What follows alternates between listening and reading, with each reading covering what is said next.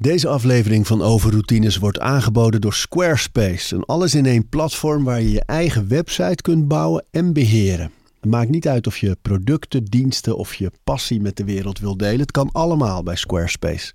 Ik noem even kort drie handige functies van het platform.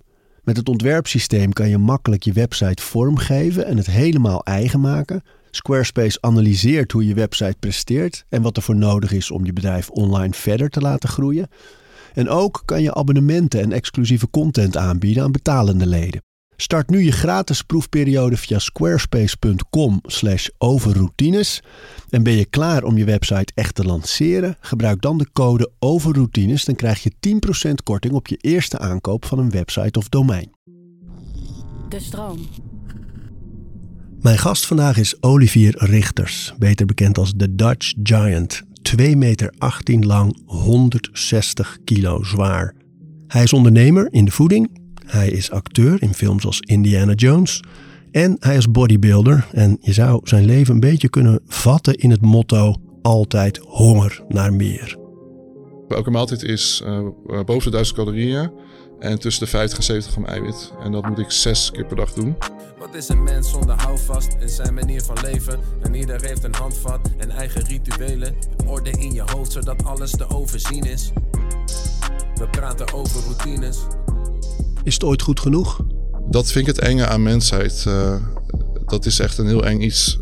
Is het ooit genoeg? Nee, want elke keer als je iets behaald hebt, dan wil je weer meer. We praten over routines. Zit je goed? Ja, nee, ik heb altijd. Uh, mijn benen zijn zo. Kijk, ik, ik pas er niet onder. de hele uh... tafel schudt omdat je. maar uh, zo'n tafel is eigenlijk te laag voor jou. Ja, ik kan met me, op restaurants kan ik ook niet met mijn benen op tafel. Ik moet altijd lang uitliggen aan de zijkant. Maar dat is hetzelfde met vliegtuigen, ja. heb jij thuis een. heb je, laat je tafels en, en andere meubels ja, maken? nee, mijn hele huis is aangepast. Als een normaal persoon in mijn badkamerspiegel weer te kijken, dan ziet hij zichzelf niet. Nee. nee, hoe hoog zit de spiegel? Ja, ik weet niet, weet meters, maar dat is. Uh, ja, ik ben 2 meter 18, wat zou die zijn? Het middelpunt is dan 2 meter. Ja, dus mijn vriendin heeft een klein spiegeltje ernaast. Hoe lang is zij? Zij is 1,80. Nou, dat is lang. Ja, dat is zeker lang voor een vrouw. Nee, ik, ben, uh, ik heb ook uh, ooit een. Ik ben nu al 10 jaar haar samen.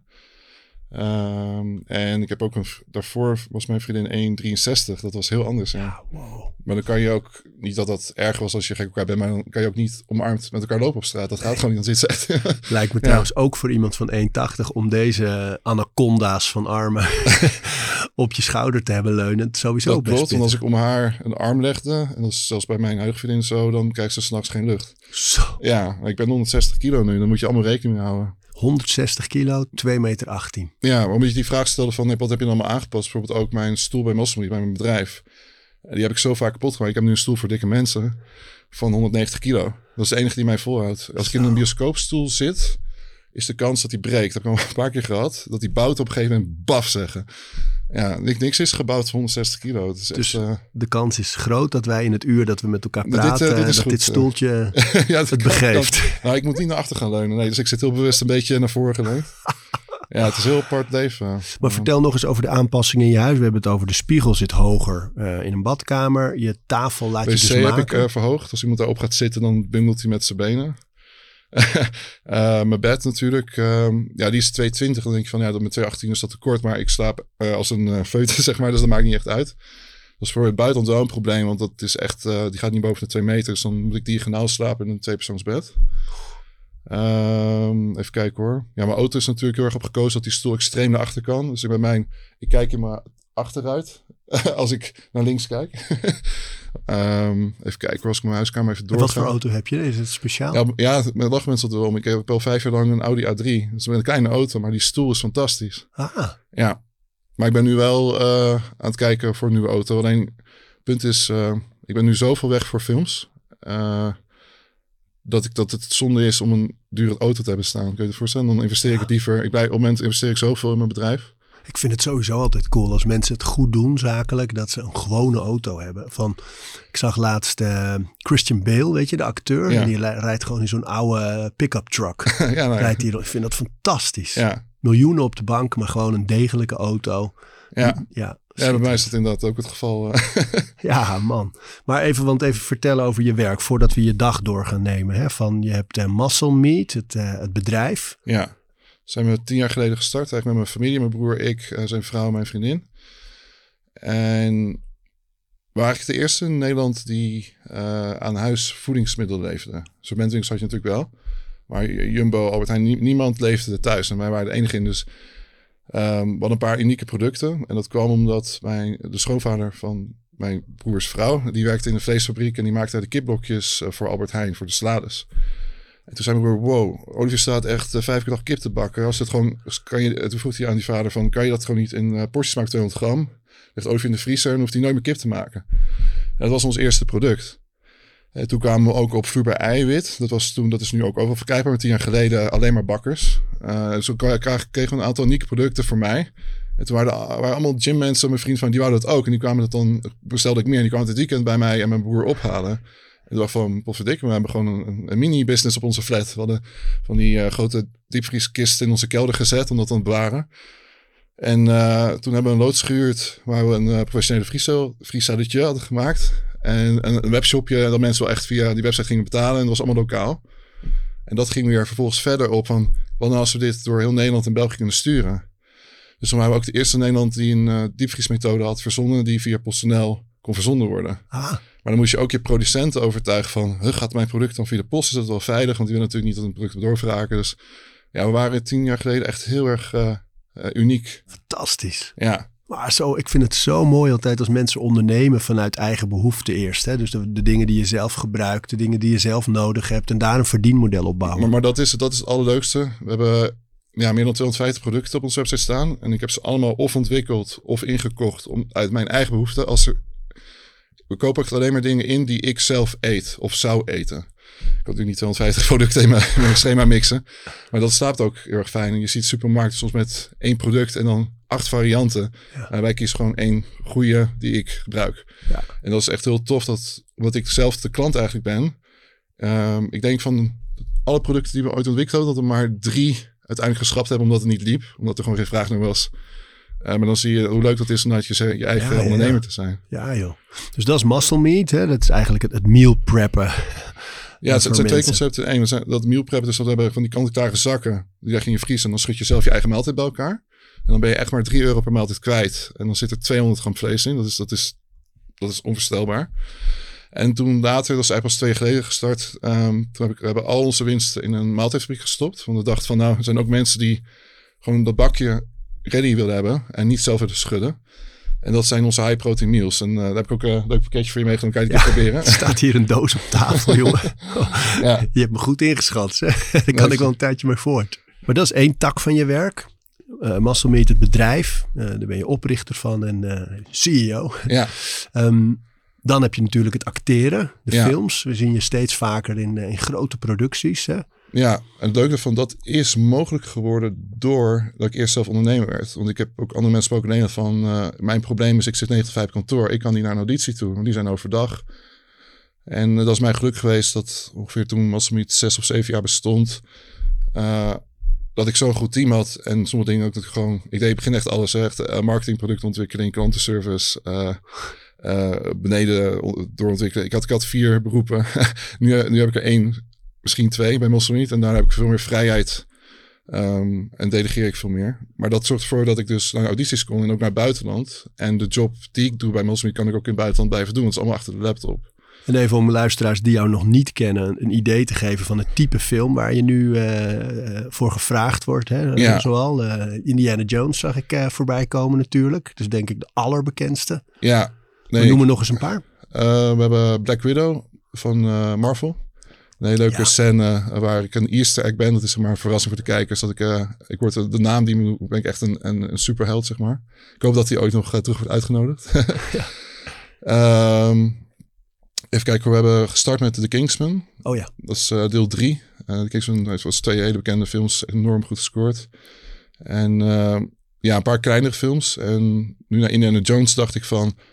Ja, wat komt er naar Indiana Jones? Dat is eigenlijk geen grotere film die ik kan doen. Want het is net zoals... Dat, dat wordt na 100 jaar nog steeds gekeken op Disney+. Plus. Dat is, is gigantisch voor mij. ja Steven Spielberg en Harrison Ford. Ja, maar ik ben nu, ik mag de titel niet zeggen, in Canada bezig. ehm, dat is dan in de series eh, de Indiana Jones, zeg maar. Oh, dus, dus ik ben met iets heel groots bezig. En vooral ook de ontwikkeling naar heel veel tekst. Mijn filmagent eh, zei... In het begin maakt het niet uit, we moeten jouw IMDb-lijst vol krijgen. Want nu ben je een reus uit Nederland. Maar we moeten zorgen dat je de reus bent uit XXX films. En dat is gebeurd. En nu zie je dat ik ook word gevraagd voor audities met heel veel tekst.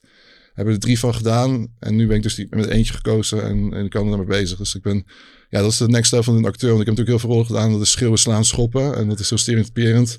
En dat vind ik ook heel vet. Want daar kwam het idee ook vandaan. Ik weet niet of je nog Jazz kent van James Bond. Ja, ja, ja. Ja, met de ijzeren tanden. Ja, dat Ja. is voor mij de legende. Waar ik als klein kindje tegenop keek. Heel bang voor was. Niet weten dat ik hem zou worden.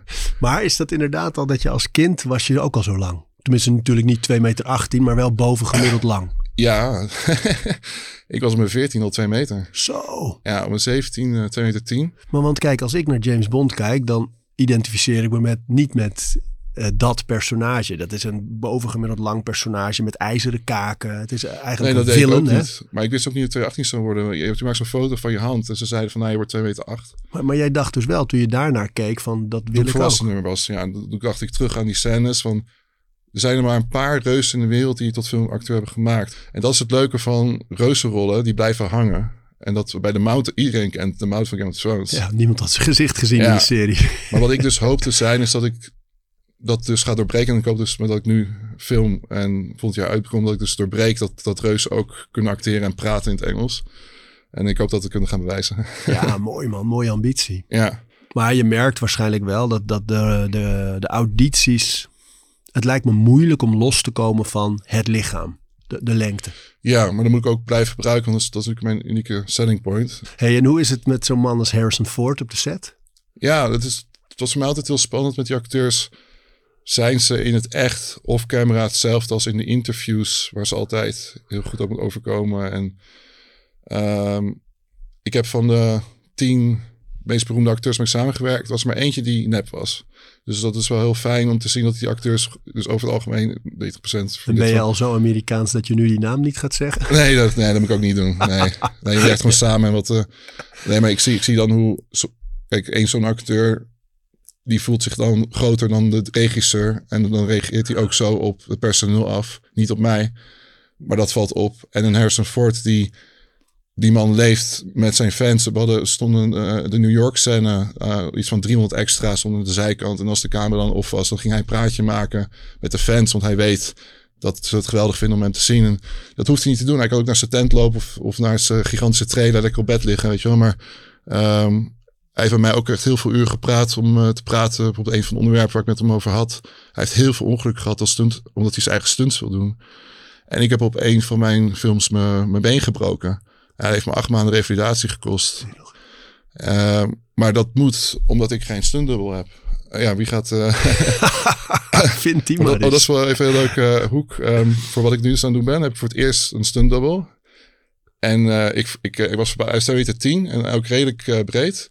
Ik zeg, wat, wat, wat, toen keek ik op zijn INB. Ik zeg, nee joh, ga weg. Heb jij, hij, heeft, hij heeft dus Venom gedaan. Dus alles vechtscènes heeft hij dat zo'n computerpak aan. Ja, En hij heeft Thanos gedaan. Dus, je die, zit helemaal in je hoekje. ja, dus die dubbelt mij nu. Dus dat vind ik wel, vind ik wel hele eer. Ja, ja, ja, ja. ja. Maar dat is wel heel fijn, want ik, ik doe dan... Er zijn heel veel praatscènes, maar ook vechtscènes. Ehm, en dat is heel fijn dat iemand anders voor je van de trap flikkert. en dat, dat ik eh, het vechten op, op gelijke vloer kan doen. Weet je wel, Ja, dat je en dan, dat je dus op, op 2 meter 10 stunt double, dan moet je dus ook nog echt soepel zijn en ja, eh, dat is ook wel- lenig. Maar hij komt dus van de geschiedenis van rugby, basketbal. Ja, En dat heb ik dus niet. En, en hij weet hoe hij moet vallen. Eh, Hij heeft ook een tijdje geworsteld. Eh, fantastisch. en dan is het fantastisch omdat je kan samenwerken. En de kans dat ik mijn been dan nog een keer breek is dan kleiner. Ja, ja, ja. Ja. Dat is je andere werk. We gaan straks je dag doornemen, dus dan komen we, raken we deze velden nog een keer. Eh, missen we dan nog iets? Want ik zie ook wel eens beschouw- merken, bijvoorbeeld voor, eh, voor PlayStation. eh. Ja, dat valt ook eigenlijk onder te acteren. Vind ik dan. Ehm, je kan natuurlijk reclameopdrachten doen omdat je films doet en wat bekender wordt. Maar ik, ik denk dat mijn derde beroep echt mijn lichaam is. Omdat dat is, omdat ze ook de routine, dat is een gigantische dagtaak. Ik weet niet of mensen Jay Cutler kennen, maar dat is een paar keer Mr. Olympia geworden. En als ik zijn video toen heb gekeken van zijn a Life, dat, dat is wat ik elke dag doe. Ik, ik, hij zat er ook op 6000 calorieën, ik zit 6500. Dus je moet zo- 6.500 ja, eh, calorieën elke dag. Ja, dat was ik zo even door. Ja, ik, ik, om om 60 kilo te blijven en op 2 meter 18 voor te bewegen met de trainingen en ook het kickboksen erbij, is het zo'n verbrandingsmotor dat als ik naar 6000 ga, 500 val ik af. Zo. Ja, Laten we gewoon eens beginnen aan het begin. Van, ehm, je staat op, hoe laat is dat? Ik, ik kan eh, vorige week doornemen, dan krijg je een casting binnen. En dan wordt mijn routine eigenlijk eh, om eh, vroeger naar bed, om 10 uur. En dan sta ik om half vijf op. En dat is omdat ik dan van half vijf tot half zeven, dus heb ik twee uur de tijd, mijn script kan leren.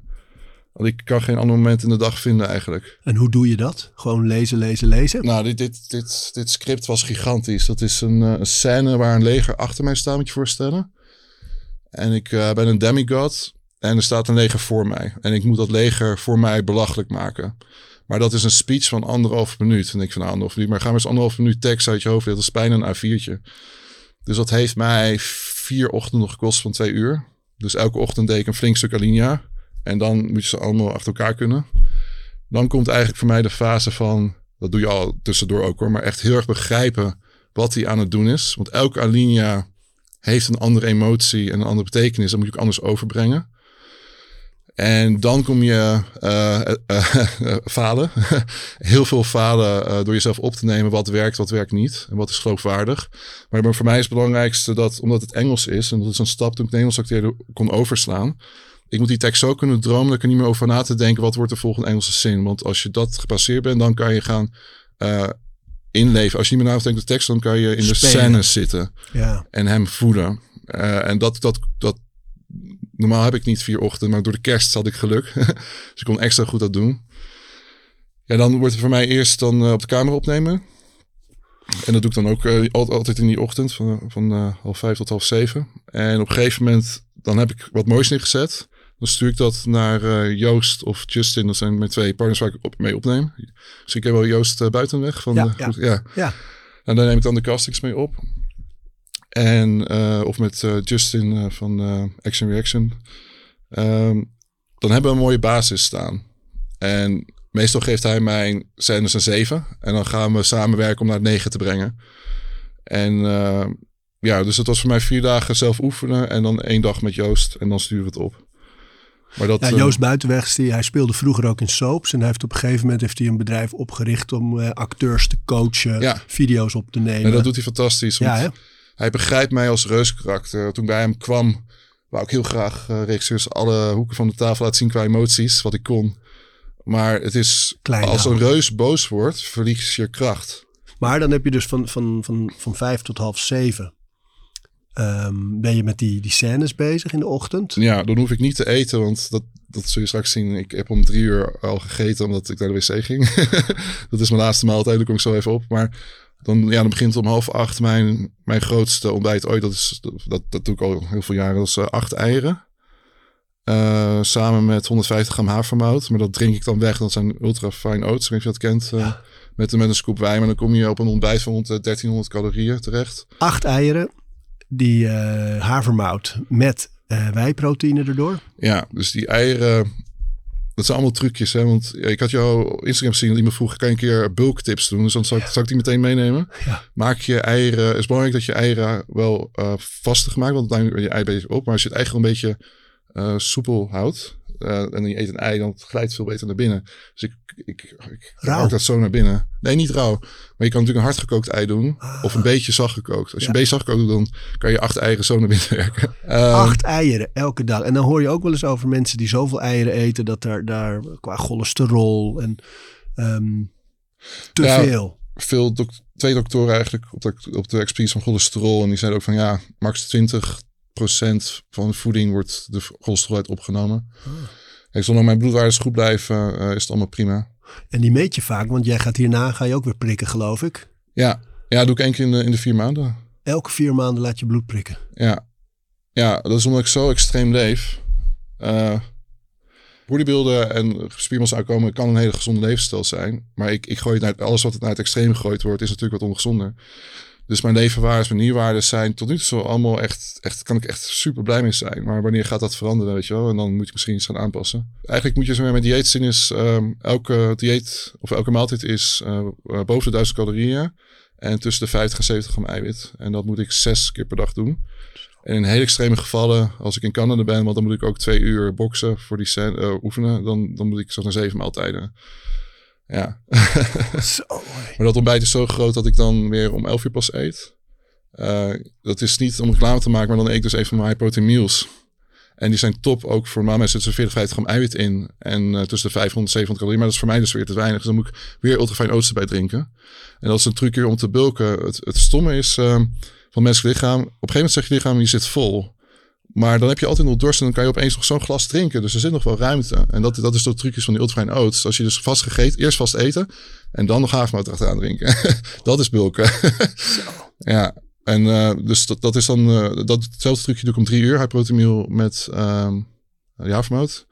Dan ga ik eh, bij muscle meat probeer ik dan te trainen tussen vier en vijf. Dan om zes eet ik zalmfilet eh met een ook een havermout shake.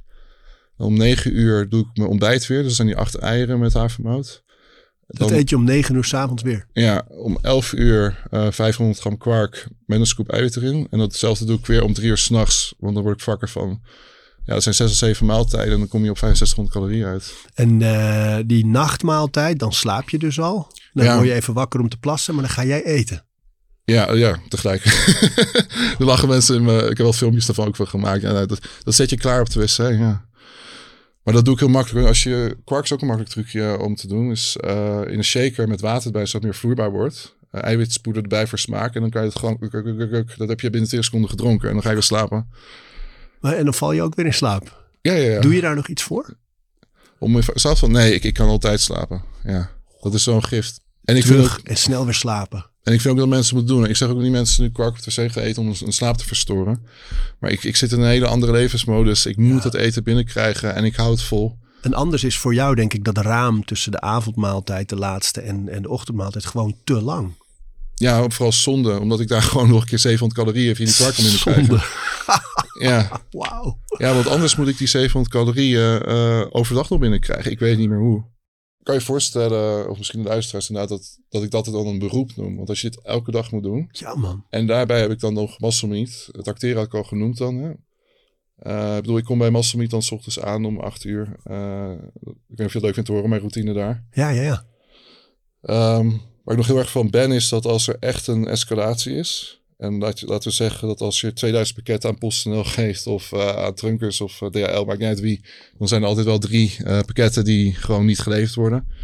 En dan schrijf ik ook 9 van 10 keer zelf een excuus of ik bel ze eventjes. Dat vind, ik voel me zo verantwoordelijk voor mijn klanten, zeg maar. Dus dat, dat is eigenlijk het begin in de ochtend. De, de, spoedjes noem ik dat. Even snel oplossen. Dan ga ik door naar productontwikkeling. Ik ben met vier verschillende projecten bezig.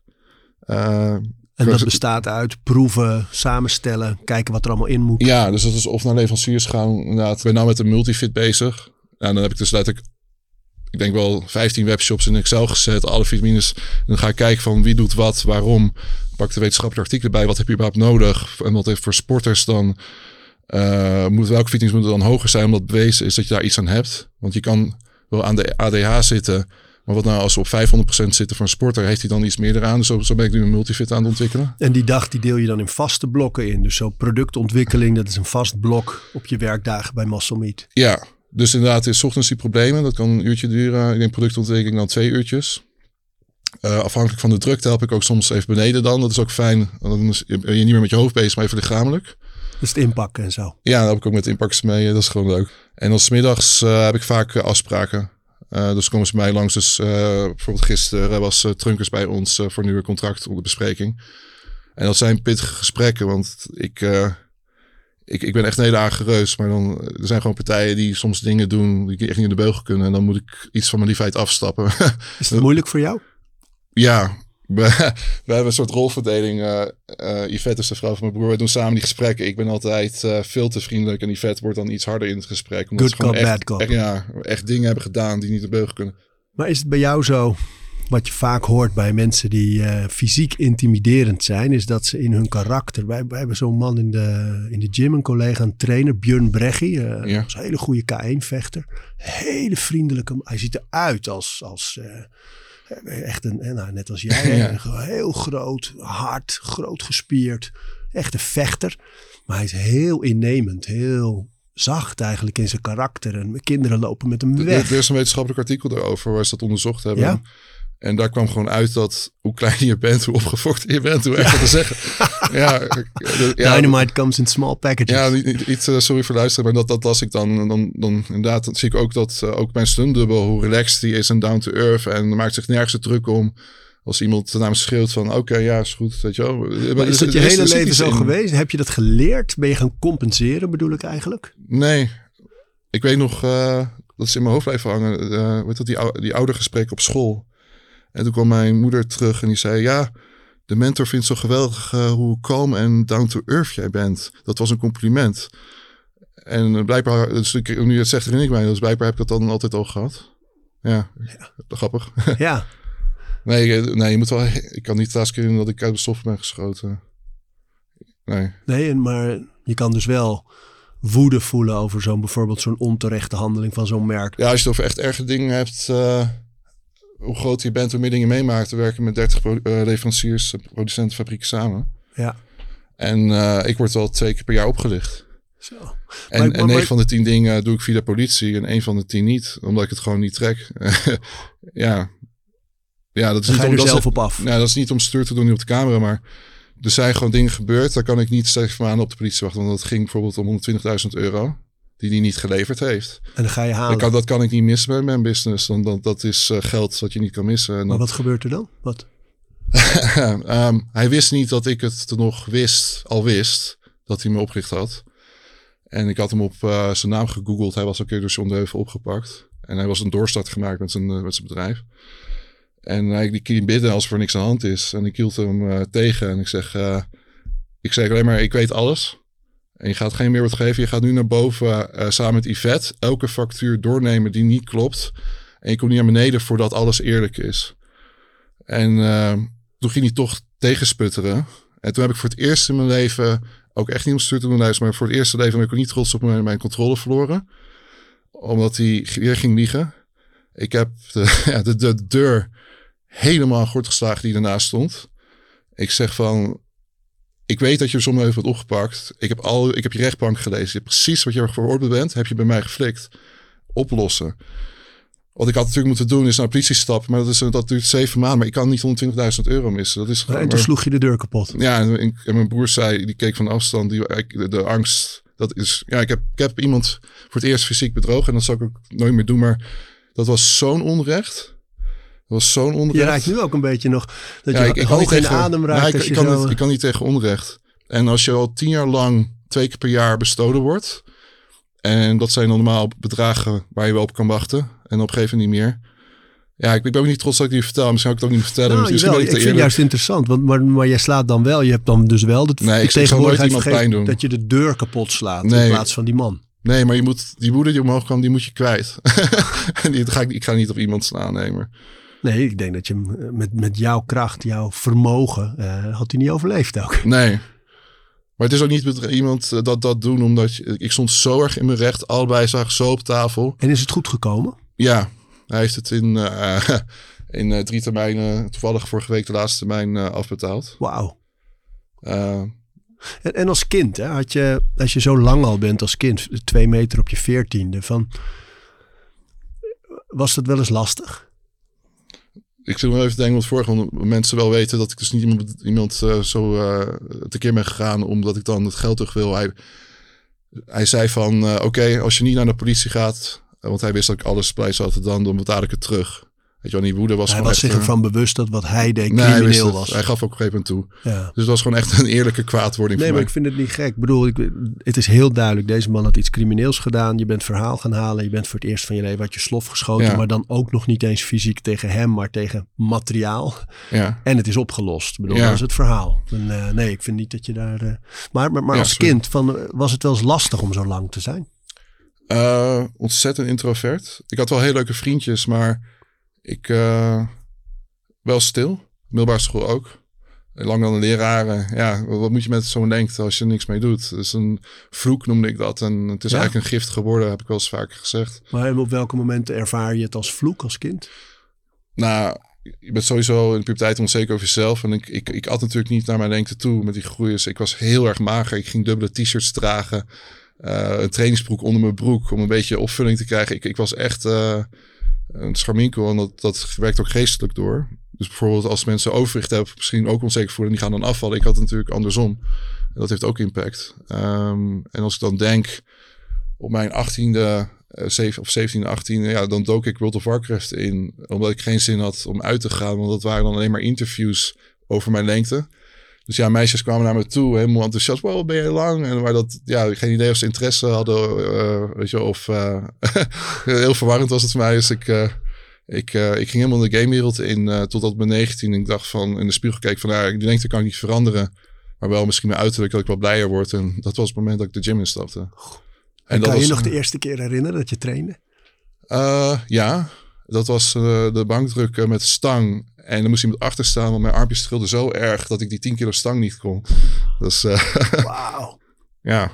ja nou, maar, maar toch sprak het je aan dan? Nou, het moest. En het leuke is, ik, omdat je zo'n ondergewicht hebt, dan maak je ook enorme sprongen. En dat motiveert weer. Dus ik heb uh, elk jaar, elk half jaar foto's gemaakt. En dat is ook een filmpje die helemaal viral is gegaan. Van 80 kilo naar 160. Dat is dubbele van je gewicht. Uh, maar de eerste jaar kwam ik 10 kilo aan per keer. Wat in wezen onmogelijk is. Maar als je zo ongewicht hebt en zo lang bent, dan heb je een frame waar het veel meer op kan vullen. Uh, en dat motiveerde heel erg. Zo. Maar dat is ook lastig voor mensen. Ik had, van, die vragen mij van, ja, wat motiveert je naar de gym te gaan? Maar ik had zo'n doel om mijn lichaam te verbeteren. En later was ik fijn in mijn lichaam, maar was het doel de filmwereld in te komen. ik heb altijd, uh, daarom ook als beroep beschouwd. En dat is mijn motivatie om naar de gym toe te gaan. En is het zo dat het hoe groter, hoe beter is voor jou in je werk? Ja, want Um, je valt altijd af in het buitenland omdat je niet de perfecte routine kan hebben daar zoals in Nederland. Dus het is bouwen in Nederland, op je zwaarste en je grootste heen gaan. En kijk, toen ik Black Widow deed was ik 150 en ging ik naar 146. Uh, maar het, op een gegeven moment was ik 155 en ging ik naar 150. Dus je wordt steeds groter. Snap je? Dus ik ben nu 160 en dan ga ik, dus je wilde ook groter zijn omdat je meer reserve opbouwt. Want als jij op die set bent en je raakt die routine kwijt, vliegt het er bijna af dus. Ja. ja. ja. Maar en even, om even een vergelijking te maken. Dus toen je begon met die spaghetti armpjes trillend met de, alleen de stang. Zelfs, of zelfs de, wat ze vroeger de ladybar noemden waarschijnlijk, die 10 kilo. Ja. Um, dat is inmiddels geen ladybar meer, maar gewoon de 10 kilo stang. dan was het wel 20 kilo stang. Ja, nee, 20. ja, dus dan, 20, ja, maar dat trilde ik dan. Uh... En nu, wat druk je nu? Uh, goeie vraag. Ik kan uh, 140 kilo acht keer. Zo. Uh, en dan vragen mensen, ja, wat kan je dan één keer? En dat, dat doe je nooit. Ik, nee. En vooral voor lange mensen die bijvoorbeeld heel snel last van de knieën krijgen. Als je sterke quads hebt. ja. ja. als je spieren sterker zijn, worden je gewichten weer, weer ontlast. En dat was voor mij ook belangrijk, want in mijn jeugd had ik een jumpers niet. Uh, ik kon geen trappen lopen, niet meer. Mijn benen waren zo slap. Maar mijn gewicht was natuurlijk iets hoger door mijn lengte. En dat, dat, die, dat matchte niet. Dus bodybuilden heeft ook me ook heel gezond gemaakt. Ik heb nooit last van mijn rug. Maar trainen is dus ook echt, vind ik wel een must. Misschien voor mensen boven de 2 meter. Ja, man. Maar hoe lang ben jij? Uh... 1,99. Ja, ja, ik zeg, ik zeg vaak twee. Ja. Dat bodybuilden is natuurlijk eigenlijk ook al echt een fulltime baan. Want je legt al uit die zes maaltijden op een dag. Soms zelfs zeven van duizend calorieën per maaltijd. Hmm.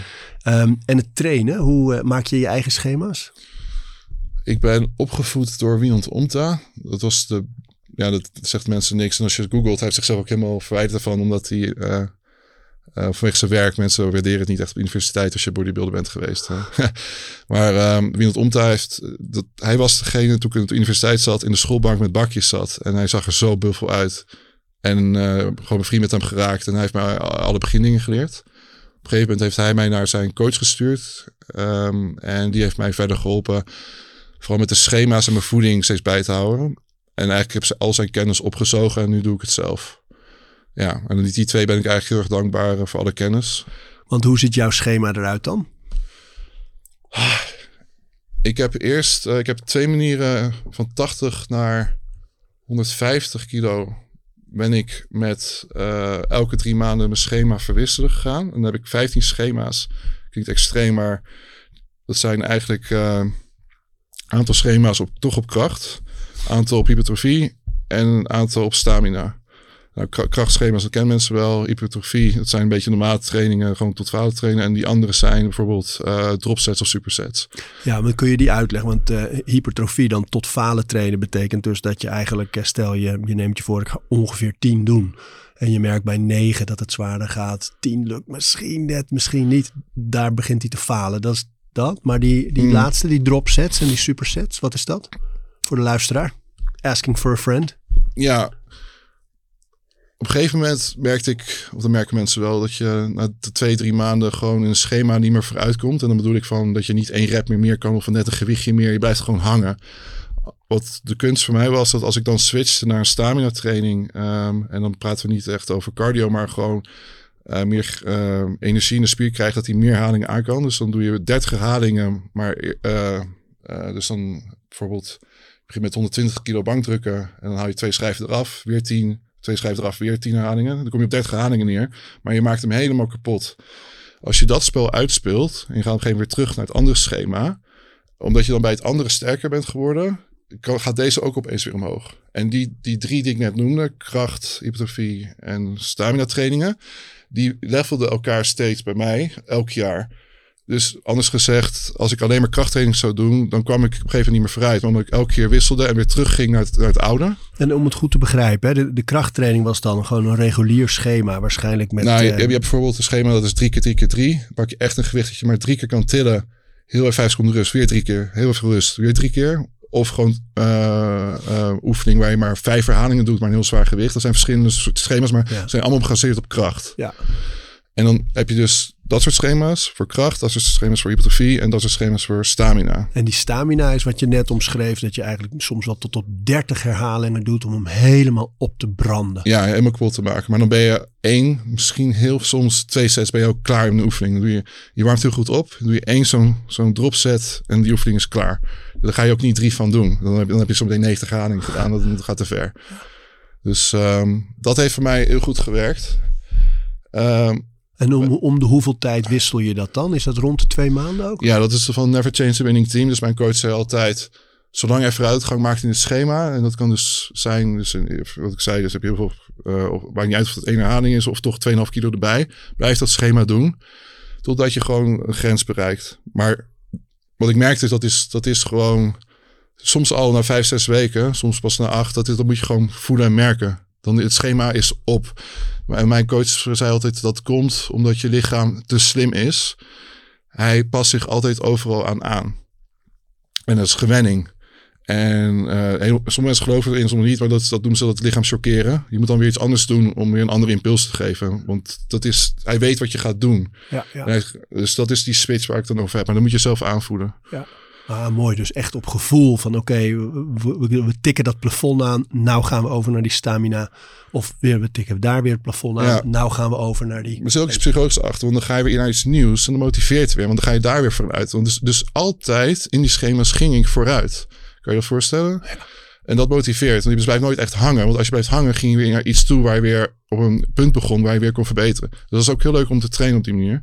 Die jongens van Mind Pump, die podcast, hadden het daar eh, laatst heel lang over. eh, heerlijke podcast over trainen. Die maken het al heel lang, hebben meer dan duizend afleveringen. Gaat altijd over trainen. En die hadden het hierover dat hoe verder je komt in die fitnesswereld, hoe eh, makkelijker het is om bij te houden eigenlijk. Weet je? Ja. Op een gegeven moment ben je sterk en je weet ook goed, dit heb ik nodig voor herstel. Dit heb ik nodig om te bouwen. Maar dan kan je met minder volume, minder frequentie zelfs, kan je heel goed bijhouden. Als je dan weer wil gaan bouwen en ontwikkelen, dan zal je weer moeten tweaken. Maar dat, Dat, was is hun theorie. inderdaad. eh, ik ben net acht weken in Canada geweest. En toen heb ik ook besloten, hier ga ik absoluut niet groeien. En toen heb ik toch weer heel af en toe mijn coach bel ik dan nog. eh op, ik probeer echt alles hetzelfde. Maar hij zei van ja, hetzelfde wat Jay Cutler tegen me zei. Eh, die ik toen het echt sprak. Eh, ik vroeg aan hem, hoe onderhoud jij met al dat reizen spieren? Hij zegt van, ik doe maar eh 30% van de training. Zo. En één goede pomp krijgen en dat is het. Ja. Maximaal 70% zegt hij. Niet naar boven gaan, want dan ga je spierschade creëren. Je bent hier niet om te groeien. Het is gewoon die impuls geven van je hebt, je hebt die spiermassa nog nodig in de natuur waar je rondloopt. Geeft rust hè, als je, dat- als je dat weet Ja. en voelt. En, en zei, ik, ik ben... ik, ik ben een beetje obsessief met mijn benenafmeting, mijn armopmeting. Dan weet ik een beetje dat ik hetzelfde ben. En ik ben die acht weken inderdaad niet klein of groter geworden. Maar wel enorm veel cardio bij gehad van die stunttrainingen. Twee uur per dag. Eh, maar als ik dan nog inderdaad ook nog spieren had gesloopt, had het misschien wel mis kunnen gaan. Want die dan de impact dan Te veel. ja, want dan sloop je je, spiermassaspieren en je bent twee uur cardio aan het doen. Eh, dat, is, dat is, kan too much kunnen zijn. Dus dat was de beste tip ooit tussen 30 en 70 procent trainen. Ja, maar leuk hoor, ja. Schitterend, man. Ja, het is echt... eh, wat ik ook jammer vind, is dat ook toen iemand omte, hè, waar ik mee begon. Bodybuilder werd vooral vroeger een beetje eh, domme mensensport. Misschien eh stereotype. Ja, Maar ik denk juist dat de mensen die het meest geïnspireerd zijn... en het meest intelligent en proberen te kijken... het verst komen. En het is ook veranderd, want het was inderdaad lange tijd zo dat een soort.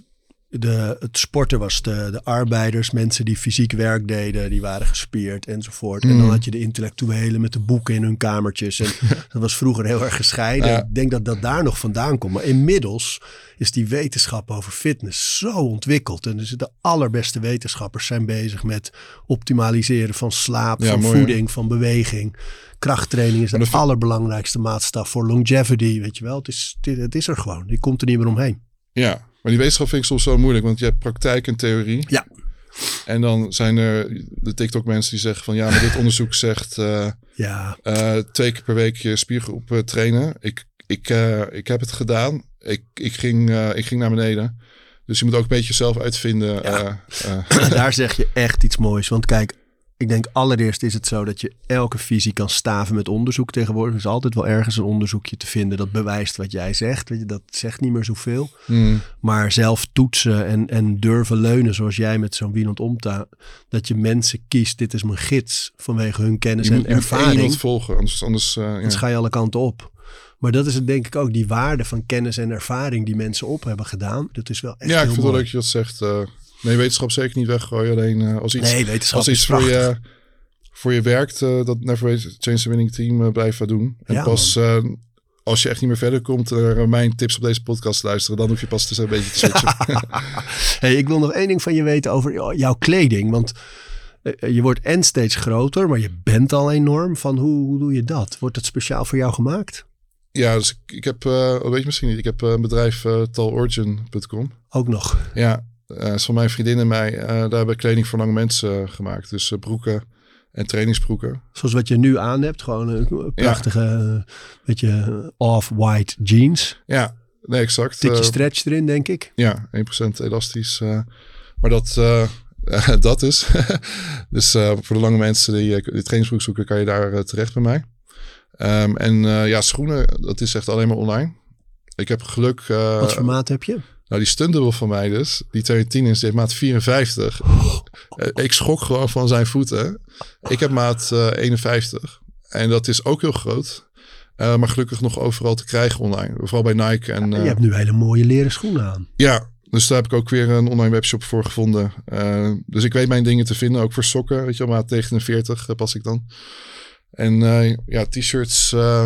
en ik heb op mijn truien, laat ik nu door een kleermaker maken. Want ik heb uh, ja, breedte 3XL nodig. Maar de lengte en de mouwen en, de, en als je naar 5 XL gaat, wordt het alleen maar te wijd. Dus uh, t-shirts kan ik nog wel vinden. Uh, maar truien, dat uh, mag ik nu ook een kleermaker maken. Ja. Zo joh. Het kost een geld allemaal ook. Ja, een trui kost 400 euro. Dus Zo joh. Ja, daar word je niet blij van, nee. Ja. Ja, nee, ook uh, vliegtickets. Ik, ik, moet business class vliegen ja, als we lange reis naar Canada. Ik, ik heb al moeite in die economy. Ik doe al economy comfort als ik met economy uh, reis. Meestal met gezin natuurlijk sowieso. Ja. Dan is ja, die uh, business niet te betalen. Maar, nee, um, maar ticket jij naar wel. Canada business class 5000 euro. Ja. En dat is niet retour. Hè? Ja. dat is niet te doen. Ja, ik heb geluk dat de filmset dat betaalt. Maar ik kan anders niet reizen. Nee. Zo ja. joh. Ja. Hey, en, ik, en ik vroeg me nog af van je vertelde dat je dan dat je vroeger de, die onzekerheid had hè, in die, die puberteit dat je zo dun was en de, alle dingen die daarmee spelen in zo'n leven. Maar is, is dat nu anders? Ben je nu ben je zelfverzekerder nu met dit lichaam? Uh, het was eerst het psychologische dat toen ik 19 was dus en 2018 dat iedereen kijkt naar je in de supermarkt uh, en komt of komt naar je toe om te vragen dat vond ik begin vreselijk. En twee jaar later begon ik blijkbaar toch in te zien dat 99% van de mensen, misschien wel bijna 100% is, is, is, doe dat omdat het positief is. Ze, zijn, ze vinden het indrukwekkend. En het is niet eh, van wat loopt daar voor ogre, zeg maar. Maar eh, weet je wel. Maar zo Ehm, voelde het dus wel vroeger. In het begin, ja. En dan, eh, dan, dan keek ik terug van, wat kijk je nou? Dat had ik op mijn negentiende. Maar dat heeft geen zin, want als je dan loop je de hoek om, dan staat er weer eentje. dus dus je moet het psychologisch voor jezelf veranderen. Dat je happy met jezelf wordt. En nu is het zo, dan noem ik dan het schild om me heen. Als ik met mijn vriendin door Amsterdam loop, dan zegt zij wel eens van, eh, hoorde je dat niet? Of zag je dat niet? En zoals zij zegt, kijk zelfs om van dat de hele straat omkeert.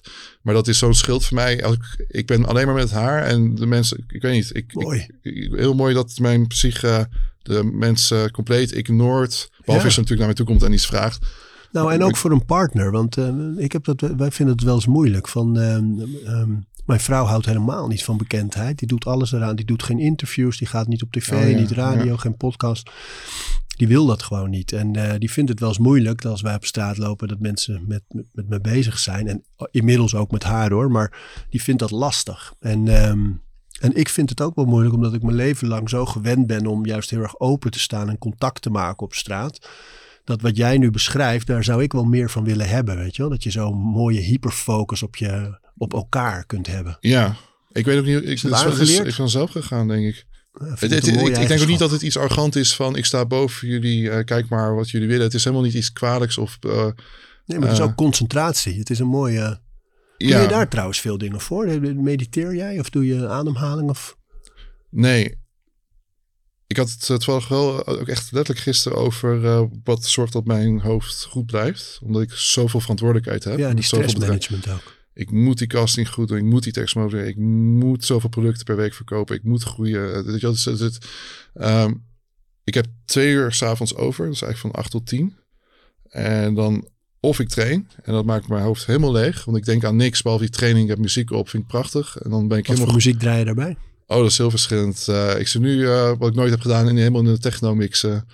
Eh, en daarvoor was het hardstyle. En weet je wel, het is... Stevig in ieder geval. ja, en heel lijp. Ik was op een gegeven moment, zo, mijn broer zei van Scooter uit Duitsland, vond ik grappig te luisteren tijdens mijn trainingen. Weet je wel, het, het, het verwisselt bij mij echt continu. Dus het, je kan niet aan mij één stijl vragen. Ik wissel opeens. maar ik vind techno vind ik nu heel leuk. Ehm ik heb maar tussen om de avond trainen en om de avond gamen. En gamen is ook echt ontzettend belangrijk voor mij. Dat doe ik al vanaf mijn jeugd. En dat is, eh, ja, of met mijn vriendin eh, de ko- ko- koopspelletje met z'n tweeën doet. Eh, maar dat eh, twee uurtjes, maar dat, dat, die twee dingen houden mij geestelijk gezond. En, en we Ik heb, ik heb nooit iets mediteren gedaan. Dus misschien werkt het hoor. Maar ik heb, ik heb er op het moment niks mee. Maar die twee dingen, dat is voor mij, eh, haalt me helemaal mijn hoofd leeg. We hadden het nog over of je dan nu nog af en toe die onzekerheid ervaart. En dat je zei van het was toen vooral heel psychisch, maar en nu? Het, hoe is het nu? Nou, mijn broer zegt wel, je hebt wel echt uh. Ik zeg van, eh, shit man, ik ben net eh, ziek geweest, drie kilo kwijt. in mijn hoofd ben ik dan drie kilo kwijt. En mijn broer wel, jongen, alsof je drie kilo ziet op een frame van 160 kilo, wel. Dan word ik dus, vanwege die drie kilo, iets onzeker over mijn lichaam. En dat is compleet gestoord. Dat is een soort van bigorexia. Terwijl ik ook wel weet, één week goed eten en trainen heb ik het weer bij. En dan ben je toch weer onzeker. Altijd groter en sterker worden. En dan uh, duif je toch bij maar, maar onzeker waar zit die onzekerheid in? Waar ben je dan e- eigenlijk echt onzeker over? Ja, dat weet ik niet. Misschien als ik er nu over na ga denken, is dat misschien uh, toch niet terug wil naar dat magere jongetje waar ik zo uh, uh, te, niet blij was in het leven. Maar is het dan dat je zorgen maakt om wat mensen zien of vinden? Maar ook verantwoordelijkheid, want ik, ik heb nu mijn grootste rol ooit. En mijn tegenspeler, hoofdrolspeler, hij is, het is niet Dwayne Johnson de Rock, maar wel dat fysiek. Dus we hebben ook een competitie tegen elkaar. Wie is de grootste in deze serie? Um, dat geeft ook, ook weer uh, een soort van stress dat ik de grootste wil zijn. Maar uh, ja, onzekerheid over je lichaam. Ik weet ik heb echt, ik heb echt bigorexia in plaats van anorexia. Dat ik groter, groter, groter wil zijn. Ja, daar kom je ook niet vanaf. Uh, maar het gaat meer over jezelf dan over het, het oog van die ander. Ja. Ja, behalve voor de films. Heb je wel eens behoefte om daar nog iets aan te doen? Nee, mijn hoofd zit zo vol. Ik kan er geen tijd aan besteden. Vind je het niet lastig? Um, ja, wat ik wel heb is inderdaad... dat mijn vriend zegt van... Uh, jeetje, kijk je nou weer in de spiegel? ja, dat is echt... Uh, ik ben zo obsessed uh, met groter worden... dat bijna elke spiegel die er is... check ik mezelf heel erg. Ja, dat is wel, eh, dat moet ik echt vanaf. dat is echt Ja, erg. wil je daar vanaf? Ja, dat is eh, gewoon irritant. Ik eh, wil er helemaal niet mee bezig zijn. Maar je oog zegt, hey, spiegel, eh, dan ga je toch even kijken van... maar dat maakt me weer zelfverzekerd voor de filmset. Ik weet gewoon dat ik zo meteen moet vliegen. Ik heb twee weken nog om terug te gaan naar 160 kilo. Ja, ik voel, ik heb in mijn leven al een enorme verantwoordelijkheid voor mijn bedrijf, voor mijn eigen lichaam. Ik wil echt de beste van het beste en ik blijf maar gaan. Is het ooit goed genoeg? Dat vind ik het enge aan mensheid. Eh, dat is echt een heel eng iets. Ehm, is het ooit genoeg? Nee, want elke keer als je iets behaald hebt, dan wil je weer meer. Ik weet niet of dat mens eigen is. Mijn eerste droom was één keer op witte doek komen. Nou heb ik behaald. En toen ging ik weer het volgende zetten. En heb ik weer behaald.